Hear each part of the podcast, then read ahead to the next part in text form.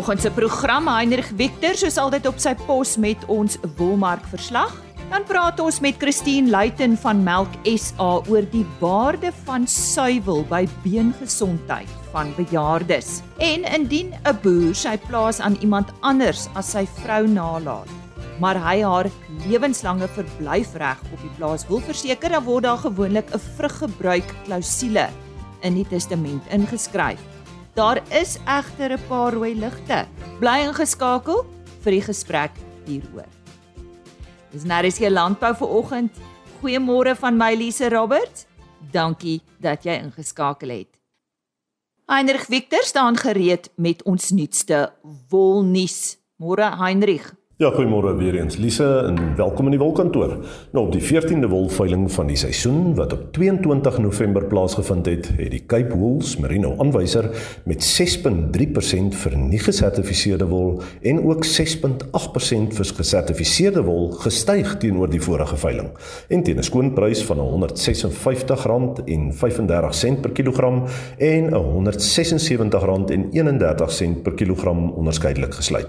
Voorwaar baie positief positiewe sprong vanaf verlede week.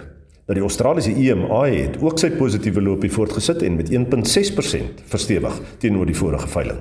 Hierdie stygings in die Suid-Afrikaanse mark kan weer eens grootliks toegeskryf word aan die sterker vertoning van die Australiese mark tesame met 'n verswakking van die Suid-Afrikaanse rand tydens die veiling en dit teenoor die vernaamste geldeenhede. Nou die hoogste vetpolprys van R300 per kilogram vir 'n baal 14.3 mikron is vir hierdie seisoen sover behaal op hierdie veiling. Volhoubaar gesertifiseerde wol het 50% van die merino aanbieding uitgemaak met 63% van die aanbieding wat bestaan uit uit goeie lengtes fyn mikron wol wat goed verkoop het en vir hierdie positiewe groei gehelp sorg het. Daar is in totaal 10790 bale aangebied waarvan 96% verkoop is. Moriano SA het op hierdie veiling die grootste hoeveelheid bale gekoop, gevolg deur Standard Wool SA, Tianyu SA en BKB Pinnacle Fiber. Nou ja, die gemiddelde skoonwolpryse dan vir die seleksie binne die verskillende mikron kategorieë fyn lang kamwol tipe MF5s was dan soos volg. En soos gewoonlik soos jy al gewoond is, onderskei ons tussen nie gesertifiseerde en gesertifiseerde wol. Nou ons begin met nie gesertifiseerd 17 mikron. R207.87 per kilogram. Gesertifiseer R219.85 per kilogram met 'n premie van 5.8%. Ons kyk na 17.5 mikron, nie gesertifiseer R203.07 per kilogram, gesertifiseer R209.54 per kilogram met 'n premie van 3.2%. Dan kan ons loer na 19 mikron nie gesertifiseerde wol verkoop vir R177.15 per kilogram, gesertifiseer behaal 'n prys van R182.49 per kilogram met 'n premie van 3%. Dan vir ou laas kan ons dan kyk na 19.5 mikron nie gesertifiseerde wol het verhandel vir R171.12 per kilogram terwyl gesertifiseerde wol 'n prys behaal het van R176.51 per kilogram met 'n premie van 3.2%. Nou ja, voorwaar 'n bietjie goeie nuus hierdie week dan en kom ons vertrou dat dit hierdie opwaartse neiging sal voortduur. Die volgende wolveiling is dan geskeduleer vir 29 November waar sowat 16760 bale aangebied sal word. Dit dan van my kant hierdie week in die wolkantoor tot ons weer gesels mooi loop. En so gesels Heinrich Victor. Nou ja, ek gesels ver oggend oor 'n onderwerp wat ek dink in die 14 jaar wat ek al RSG landbou aanbied nog nooit oor gesels het nie. En dit is vruggebruik. Nou dis nie 'n landbou onderwerp nie, maar ek dink vir iemand wat op 'n plaas bly en uh, baie van ons luisteraars is nie landbouers nie, so ek dink dit is ook van toepassing vir sommer uh, Jan Alleman. Ek praat ver oggend met Lou van Biljon. Hy is 'n stadsbeplanner daar van Clarence omgewing en uh, hy het intedeel vir my hierdie vraag aangestuur en uh, hy het sy kommer daaroor ook uitgespreek. Maar Lou, ek weet jy's nou nie 'n regskenner nie, maar verduidelik net eers weer mooi vir ons wat is vruggebruik? Wat word daarmee bedoel? Goeiemôre Lisa en dankie vir die geleentheid. Volgens die handwoordeboek van die Afrikaanse taal is vruggebruik die reg volgens wet om van iemand anders se goed die vrugte te gebruik asof jy die eienaar is. Nou ek het ook die nuwe Nederlandse handwoordeboek gaan raadpleeg want ek sien heeltemal tevrede met die Afrikaanse definisie. Die volgens die Vandale se Nederlandse handwoordeboek staan presies dieselfde daar behalwe dat hulle die volgende stukkie van 'n sin byvoeg mits sorgende dat dis die saak self in stand bly.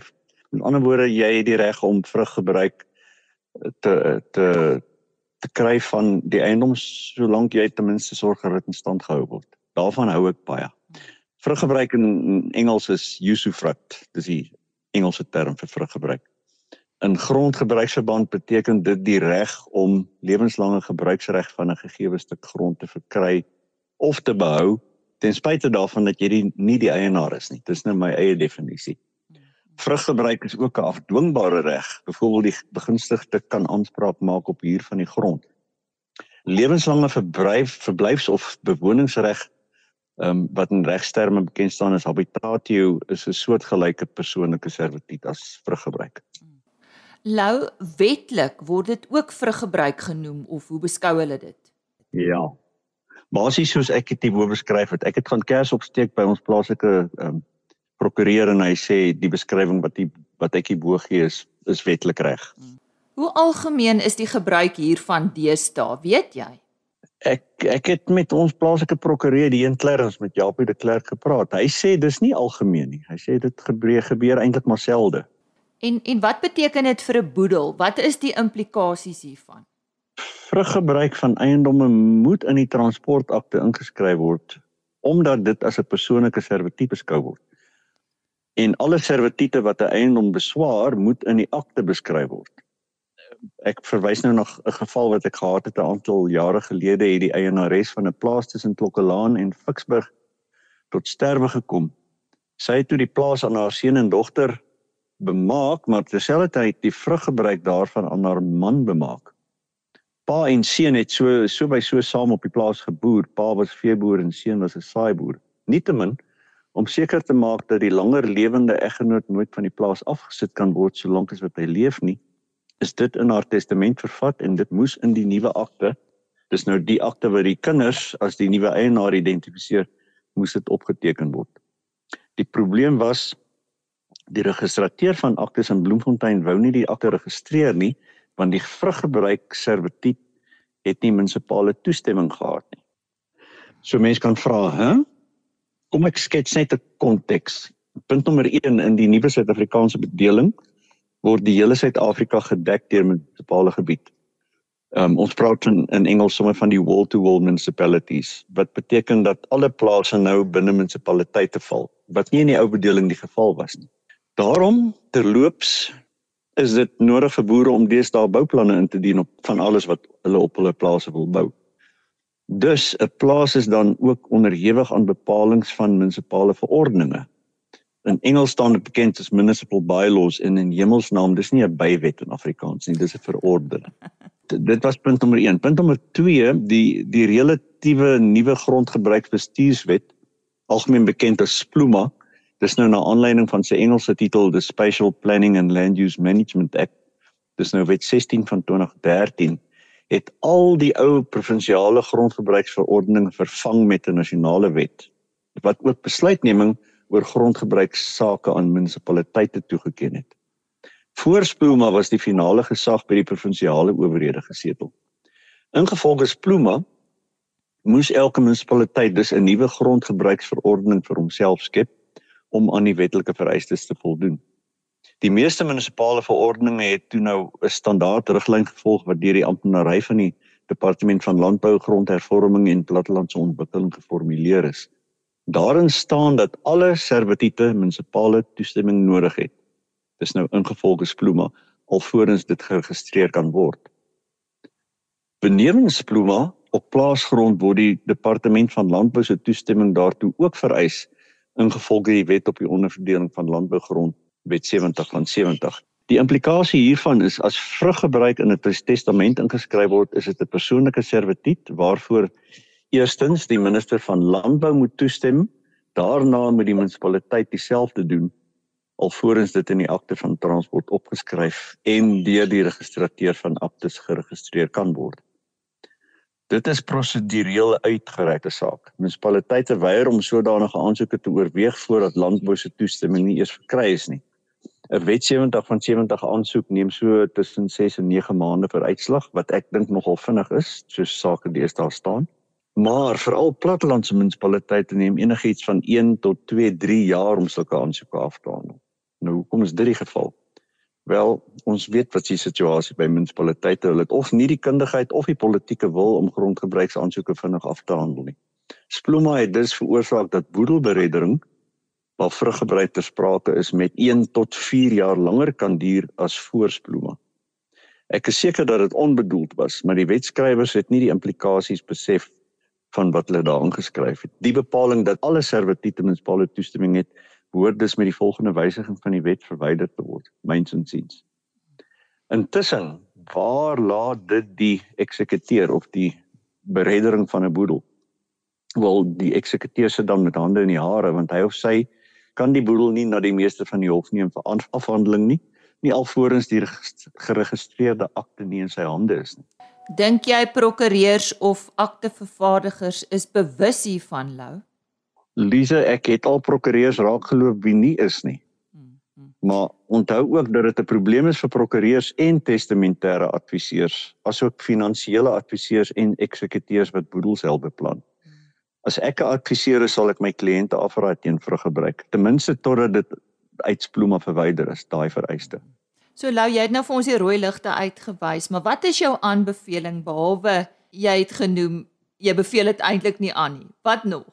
Ek wil myself miskien net vinnig in die rede val. Die grondgebruiksverordening van Machabeng munisipaliteit, dis nou die die Welkom Goudvelde munisipaliteit het nie hierdie bepaling van alle servitute oor dieselfde kam skeer nie. Vrystelling van munisipale goedkeuring word vir gebruik deur hulle verordening verleen. So as 'n boer nou luister wie se plaas in die Machabeng munisipale gebied val, dan kan hy 'n sig van verligting slaap want dan moet hy slegs toestemming by die minister van landbou kry.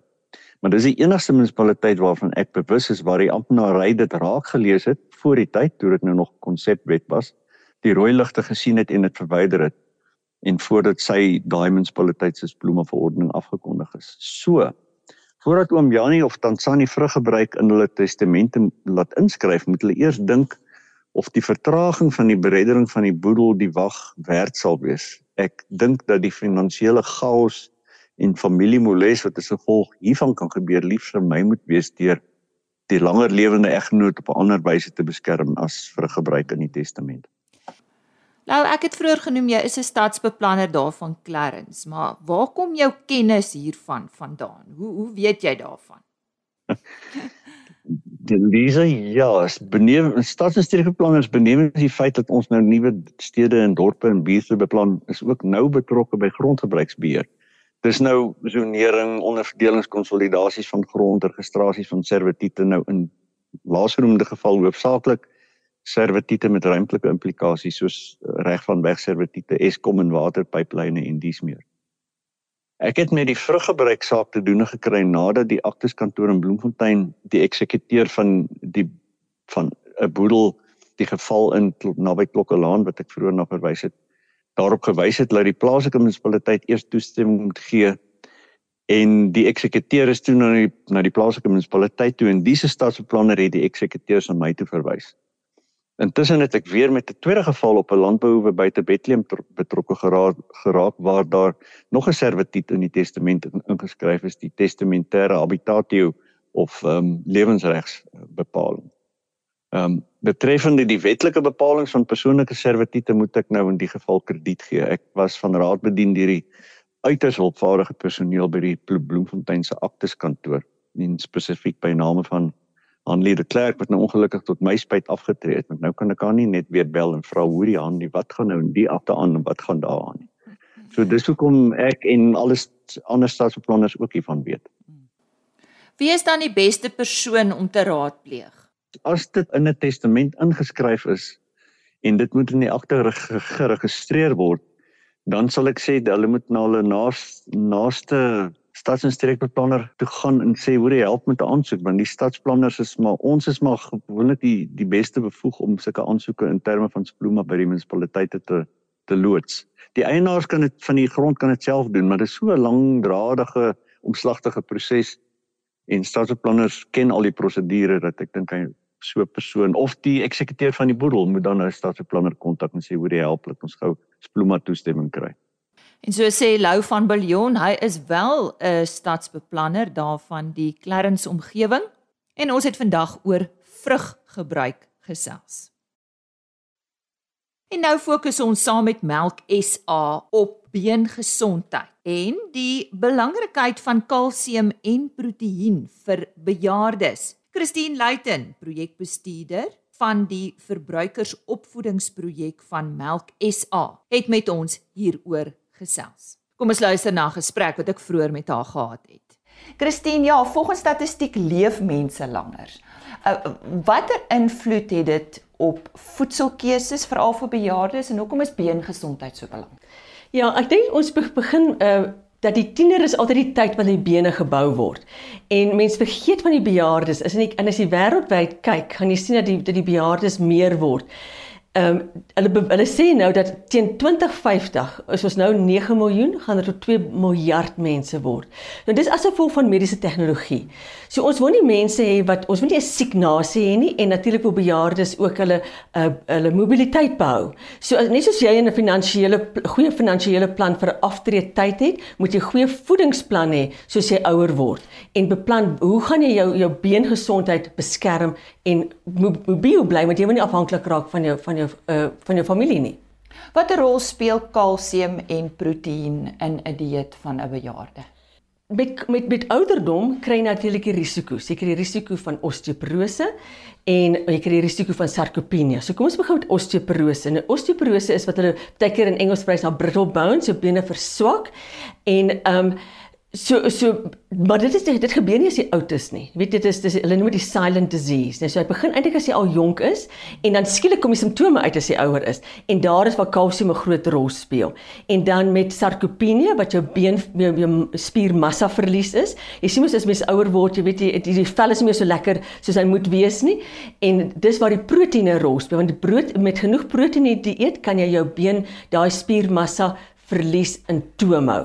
So ons weet dat ouer mense nie altyd genoeg kalsium inneem nie en dus moet ons kyk nou hoe kan ons kalsium in die dieet inwerk. Ehm um, en hulle het al bewys dat kalsium wel 'n rol speel met beengesondheid op bejaardes. Uh, daar was 'n studie gedoen in Amerika op uh, in Australië, skus, um, op 7000 bejaardes wat in ouerhuise ge, gebly het oor 'n periode van 2 jaar. En hulle het hulle kalsium um, uh, behoeftes vermeerder na ongeveer 3 porsies en oor die 2 jaar periode het hulle gevind dat daar is 55% afname in heup ehm um, breuke, 'n 30 'n 30% in gewone frakture en 11% in val. So dis daar is bewys dat as jy al het jy dalk miskien nie soveel kalsium ingeneem te jonger is nie, dan is dit belangrik kan dit wel 'n rol speel as jy ouer is.